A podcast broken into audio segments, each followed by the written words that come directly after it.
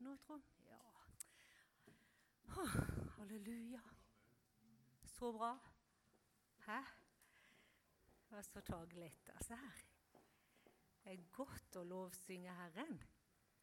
Det er veldig godt å lovsynge Jesus. Og det er veldig rett.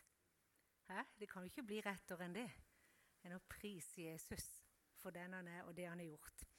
Og egentlig så Teksten i dag, eller um, denne søndagen er Kristi åpenbaringsdag. Uh, og, og, når jeg skulle liksom tenke litt rundt det, så tenker jeg ja, kjære Jesus, dette er mye å lovprise for. Dette er mye å være takknemlig for. At Gud valgte å sende sin egen sønn til jord for å vise oss hvem han er. Um, teksten den eh, drar oss litt tilbake igjen til jul, da. Eh, for det, det, står i Matteus 2, 1-12. Eh, så jeg kan godt lese den, selv om det er mange vers. Da Jesus var født i Betlehem i Judea på den tida Herodes var konge, kom noen vise menn fra Østen til Jerusalem og spurte, hvor er jødenes konge som nå er født? Vi så hans stjerne da den gikk opp ved morgengry, og er kommet for å hylle ham. Da kong Herodes hørte dette, ble han meget urolig, og hele Jerusalem med ham. Han kalte sammen alle overprestene og folkets skriftlærde og spurte dem hvor Messias skulle fødes. I Betlehem i Judea, svarte de, for slik er det skrevet hos profeten. Du Betlehem i Juda, um, du Betlehem i Judaland, er slett ikke den ringeste av fyrstene i Juda. For fra deg skal det komme en høvding som skal være hyrde for Israels mitt folk. Da kalte Herodes vismennene til seg i all stillhet og spurte dem ut om tiden da stjernen hadde vist seg. Så sendte han dem til Betlehem og sa:" Dra av sted og forhør dere nøye om dette barnet, og når dere har funnet det, så meld fra til meg for at også jeg kan komme og hylle det. Da de hadde hørt kongens ord, dro de av sted. Stjernene som de hadde sett gå opp, gikk foran dem, inntil den ble stående over stedet der hver barnet var.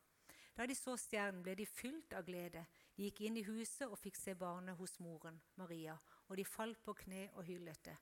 Så åpnet de sine skrin og bar fram gaver til barnet, gull, røkelse og myrra. Men i en drøm ble de varslet om at ikke de måtte vende tilbake til Herodes, og de tok en annen vei hjem til sitt land. Egentlig så er jo dette her en lovprisningstekst. For det er disse vismennene som kom fra Østen til Jerusalem, de, hadde, de visste i sitt hjerte at det skulle fødes en konge. At jødenes konge skulle fødes. Så de kom liksom inn og opp til Jerusalem med lovprisning i hjertet sitt. Og de kunne liksom ikke vente med å forhylle denne kongesønnen som skulle fødes. Herodes ble redd, naturlig nok, for da hadde han visst at det kunne bety noe for hans herredømme. Så han prøvde å lure dem litt der, men de var heldigvis lydhøre innenfor Gud. Og så står det at for, deg, for fra deg, sier, sier Storm Betlehem, skal det komme en høvding som skulle være hyrde for Israel, mitt folk. Og så fortsetter lovprisningen. Så fortsetter det når de så, når stjernene stoppa, de fant Jesus, de knelte ned og hylla barnet. Åpna opp hjertene sine, og de ga sine hjertes gave. Og i helt konkret form var det den gangen i gull, røkelse og myrra. Og nå, I dag så har jo ikke vi brakt gull, røkelse og myrra sånn sett fysisk til Jesus. Men lovprisning er jo egentlig dette. Å bringe gull, røkelse og myrra ut fra et hjerte som elsker Jesus, og som har møtt ham.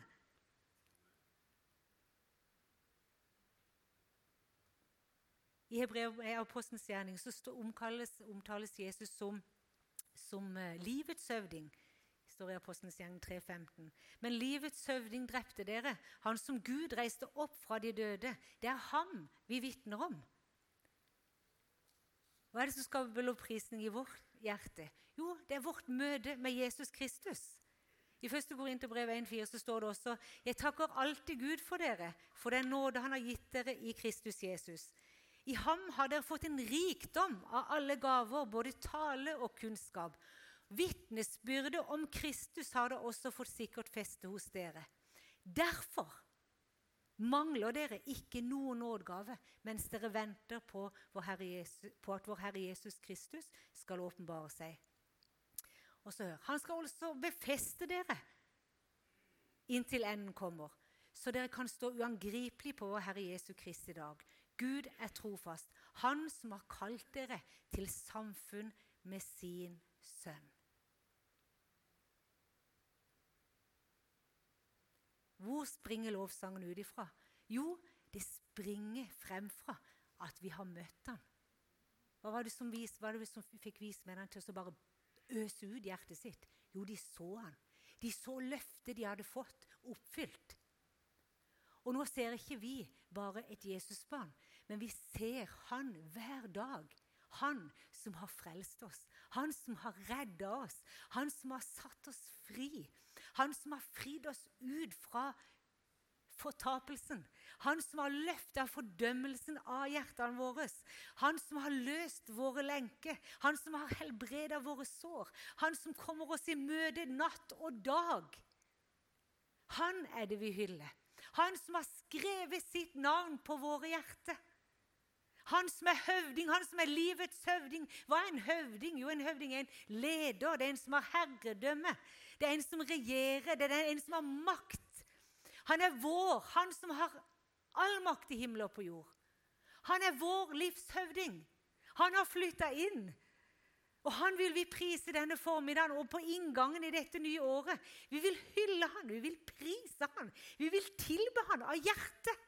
Ikke sant? Og Jeg syns dette var en deilig start på nyåret.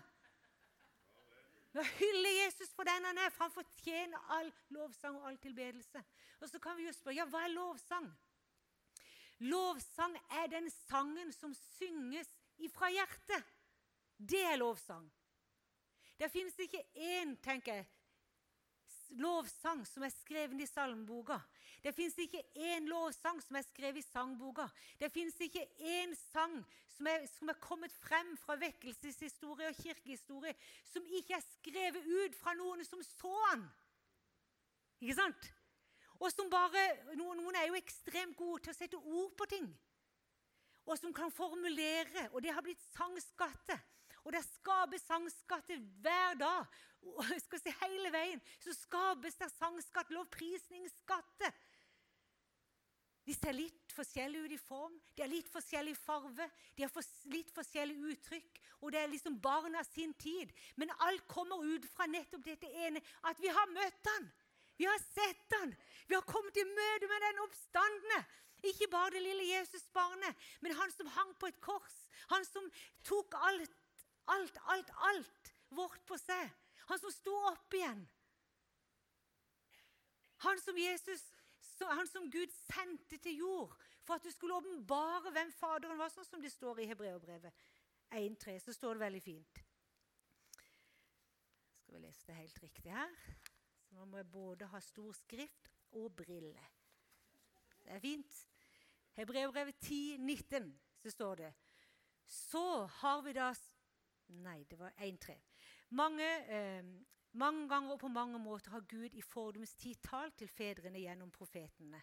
Men nå, da, de siste tider er kommet, har han talt til oss gjennom Sønnen. Han har Gud innsatt som arving over alle ting, for ved ham skapte han verden. Han, hør her, han er en utstråling av Guds herlighet og bildet av hans vesen. Og han bærer alt ved sitt mektige ord. Da han hadde fullført renselsen for våre synder, satte han seg ved majestetens høyre hånd i det høye. Han, Jesus Kristus. Gud har åpenbart seg fra tidenes morgen, men nå står det i Hebreerbrevet så har han åpenbart og talt åpenbart seg og talt til oss gjennom Sønnen, gjennom Jesus Kristus. Så når vi ser på Jesus, så finner vi ut av hvem Faderen er. Hvis vi undrer oss på hvem er Gud, ja, så kan vi se på Jesus. For Gud lot Jesus komme. Han, han, han lot Kristus åpenbare hemmeligheten i Faderen, i Sønnen og Ånden. Er det ikke herlig? Det blir liksom bare altså åpenbart. Det er jo litt vanskelig ord for oss. Det er jo litt um, kanonittisk, det. Men det betyr at han blir vist. Han blir synliggjort. Det avdekkes noe som var skjult fra tidenes morgen, har blitt avdekka i Kristus. Og det avdekkes når vi leser ordet. Hvem er Hva gjorde han? Hvordan så det ut? Og hvordan så det ut når Jesus gikk omkring? Og så spør vi hvem er Gud? Se på Kristus. Hvem er han virkelig? Jo, se på han han sendte. Se hva han gjorde. Se hvordan han oppførte seg. Se hva han brakte. Se hva han tilførte. Se hvilke ressurser han hadde. Se hva han henta ut ifra. Det er Faderen. Og så har Jesus satt seg ved Faderens høyre hånd. Men så har han altså da satt oss i himmelen sammen med han. Hvorfor det? Hvorfor er det mulig? Hvordan er det mulig? Jo, fordi at Ånden er gitt. Gud har gitt oss av sin fars ånd. Han har gitt oss av sin ånd. Han har gitt oss av seg selv, så vi sitter satt i himmelen sammen med Han. Og får lov til å oppleve og erfare og hvem Han er.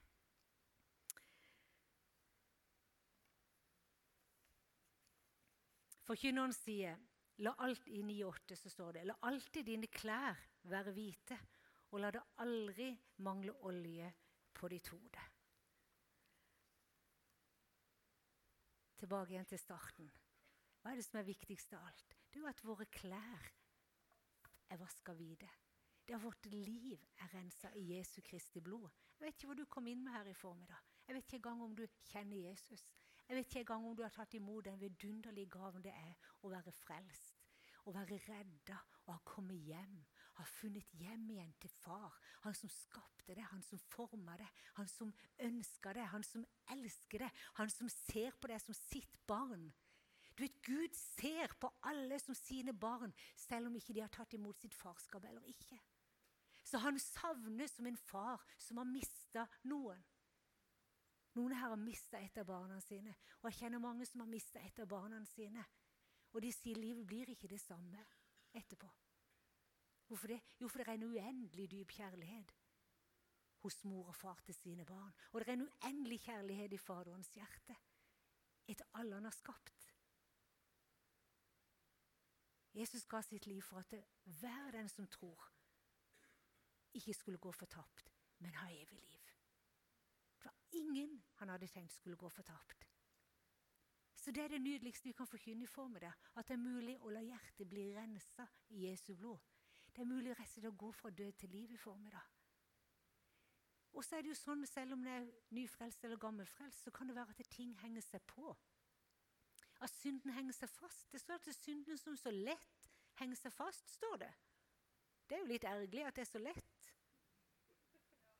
Ikke sant? Det er jo det. Men det står faktisk det. For synden som så lett henger seg på oss. Men så oppfordrer altså da forkynneren om å la alltid klærne våre være hvite. Og det kan vi få lov til å komme til Jesus i formiddag og si 'Jesus, rens meg'. Du ser jeg har blitt tilsmussa. Du ser det har skjedd noe i livet mitt. Du ser jeg har gått en feil retning. Jeg ber om at du må rense meg, Jesus. Så går du ut døra her i dag rensa i Jesu Kristi blod. Og så står det også, eller så sier også forkynneren, la det aldri mangle olje på ditt hode. La det aldri mangle olje på ditt hode. Og hva er olje symbol på? Jo, det er jo Den hellige ånds salvelse. Olje er ofte symbol på Den hellige ånd. Livet. Det som smører maskineriet som, han som er livets ånd, han som puster på hjertet vårt, han som tar bort støvet fra hjertet, han som tar bort slagget fra hjertet, han som viser Kristus for oss, han som viser Faderen for oss.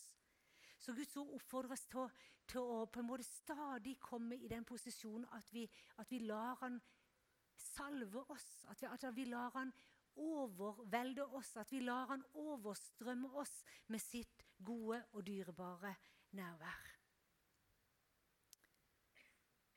I Hebrevet 10, 19 så står det så har vi da søsken, frimodighet ved Jesu blod, til å gå inn i helligdommen, dit han har innviet en ny og levende vei for oss gjennom forhenget, som er hans kropp.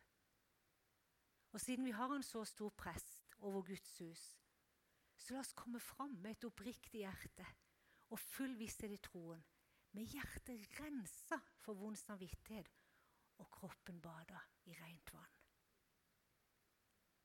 Så er det altså sånn da, at den høyeste Gud, Jesus Kristus, Den hellige ånd inviterer oss til å komme inn i hans nærvær. Når som helst, hvor som helst. Hvorfor det? Bare av det verket Jesus gjorde på Golgata. Bare av at ordet sier at av Han så kan vi med frimodighet tre inn i helligdommen. Vi kan legge våre liv i Hans hender. Finne hvile i skyggen av Hans vinger. Være der, tett ved Hans hjerte. Kjenne på Hans livsforvandlende kraft. Kjenne at oljen fra himmelen faktisk virker på våre liv. Virker i våre tanker. Virker i våre følelser. Virke på vår begeistring for Jesus. Virke på dette som allerede er skrevet på våre hjerter, som trenger stadig å fornyes, sånn at lovsangen kan stemmes. Og Lovsangen har aldri vært en ytre form. Lovsangen har vært en indre, en indre påtrykk fordi vi har sett den. Og Jeg vet ikke hvordan du har det. Jeg kjenner at Gud la dette året være et år hvor hjertet mitt fylles av tilbedelse. Hvor livet mitt er sokka inn i olje fra Gud, sånn at hans liv kan strømme fritt. La det være et år for Salem der vi, der vi vil møtes med rensa hjerte, med en god samvittighet og med frimodighet når vi kommer frem for lovsang, i lovsang.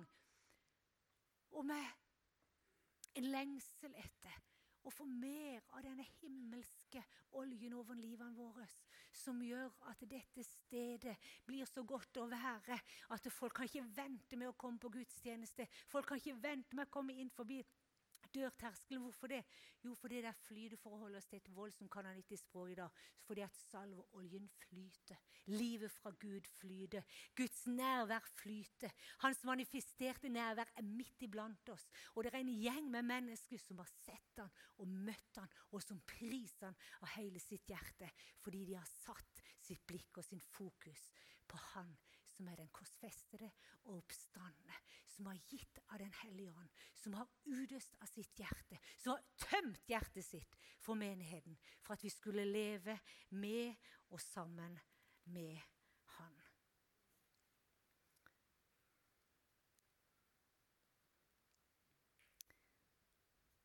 Salm 22,4 så står det, men du er hellig, du som troner over Israels lovsanger. Hva sier det gjelder bare Israels lovsanger? Nei da. Vet dere, vi er poda inn på løftene som står om Israel. Vi er poda inn på selve treet. Sant? Så løftene som står om Israels folk, Israels folk som Guds eiendomsfolk, så ble vi jammen med benåda og ble poda inn i treet. Og det betyr også at Gud, vår himmelske Far, troner på vår lovsang. Han tar herredømme. Vi gir han makt. Vi gir han velde. Vi gir han rett. Vi sier 'Kom, Jesus, sånn som du er'. Kan du tenke hvor viktig det er for en menighet å si at han får lov til å komme som han er? Sånn som han sier seg å være i sitt ord. Hvem er vi som skulle si noe annet? Men du vet, med våre tanker, med våre følelser, med våre erfaringer, med vår bakgrunn, med våre ideer, så kan vi gjøre Gud kjempesmal. Men det står at han troner. Det legges en trone for Gud og hvem han er, ut fra lovsangen som stiger fra våre hjerter. Og igjen har jeg lyst til å si, ikke ut fra hvilken form for lovsang du har, men om vi er 12 eller 6 år, 50 år eller 90 år, så vet jeg at det fins en lovsang i hjertet ditt. Det fins noe som har stemt ditt hjerte til lovsang, så ditt beger flyter over. Og når vi kommer til gudstjeneste, så kan vi komme med hjertet stemt til lovsang. Og så bygger Gud en trone. Og Hva betyr det når Gud bygger sin tron? Hva vil det si? Ja, Da kan vi igjen se hva var det Jesus gjorde. Hva var det som skjedde når Jesus gikk rundt omkring? Hva var det som skjedde når han vandra rundt der han gikk? Det var mye fint, folkens. Det var veldig mye fint. Og det var veldig mye som vi lengter etter. Og det er veldig mye som mennesker ut forbi våre kirkedører lengter etter. Vennlighet, godhet, nåde. Det er nåden som går for rett. Det er nåden som gir på tross av kraft, legedom, tegn, under. Kjærlighet som smelter. Agapekjærlighet, Guds kjærlighet. Den som er ren, den som er ekte. Familie, tilhørighet, samhold. Og vi kunne snakke herfra til midnatt om hva Jesus var og gjorde. Og så sier han når dere bygger en trone, så gir dere meg makt. Hæ? Så gir dere meg makt kan vi ikke gå inn i 2017, folkens, og fra hjertet si til Jesus Vi gir deg makt. Vi gir deg ære. Hvis du kjenner at det er kommet slag på lovsangen din, hvis du kjenner at hjertet ditt er ikke stemt til lovsang sånn som det var vet du, Jeg tror denne formiddagen er helt ideell i forhold til å kjenne at slagget skal løftes av, og at ilden skal få brenne igjen. Kanskje det er lenge siden du kjente lovsangen steg opp fra ditt indre. Kanskje du kjente det år og dag siden. Og så er det utrolig hvordan vi kan slå oss til ro med smule. Eller jeg blir irritert på meg sjøl i hvert fall. Hvor lite jeg av og til slår meg til ro med. Jeg blir liksom vant til å leve middelmådig og undermåls. Mens Jesus har kalt oss til liv og overflod av liv. Han har lyst til at lovsangen skal komme ut fra en fersk åpenbaring, fersk opplevelse, fersk Fersk mat gitt fra Guds ord. Fresk berøring fordi Den hellige ånd har pusta på hjertet. Han vil ikke at vi skal hente opp en gammel, gammel takksigelse. Ja, det var jo fint i 1982, liksom. Og så lovsynger vi på den i 2017. Nei, han vil at vi skal komme inn og kjenne at jeg tilber, jeg tilber, jeg tilber, jeg tilber Jesus fordi jeg møtte han i går. Jeg kjente han på morgenen i dag. Han, han var i Ordet, og Ordet ble med. Ble virkelig for meg. Ikke sant? Det er tilbedelse. Det er tilbedelse som virker, det er tilbedelse som skaper noe. Er tilbedelse som forvandler oss, og som vil forvandle de vi kommer i berøring med. Så la det være et år av tilbedelse, et år av fokus. La oss takke for alt det gode vi har i våre hjem, i vår familie, i våre venner. Og nå er vi i menigheten her. La oss takke for alt det gode som er i menigheten. La oss framsnakke alt godt. La oss velsigne alt som fungerer. Og la oss hjelpe til der det ikke fungerer, sånn at det også kan bli bra. Det er mye bedre å velsigne og velsigne og velsigne og prise alt det som Gud gjør enn å drive og bruke masse tid på å forbanne det som ikke er greit. Det er veldig destruktivt, faktisk. Det er egentlig helt elendig. Sant? Men du vet, å, bygge og blåse der ilden allerede brenner?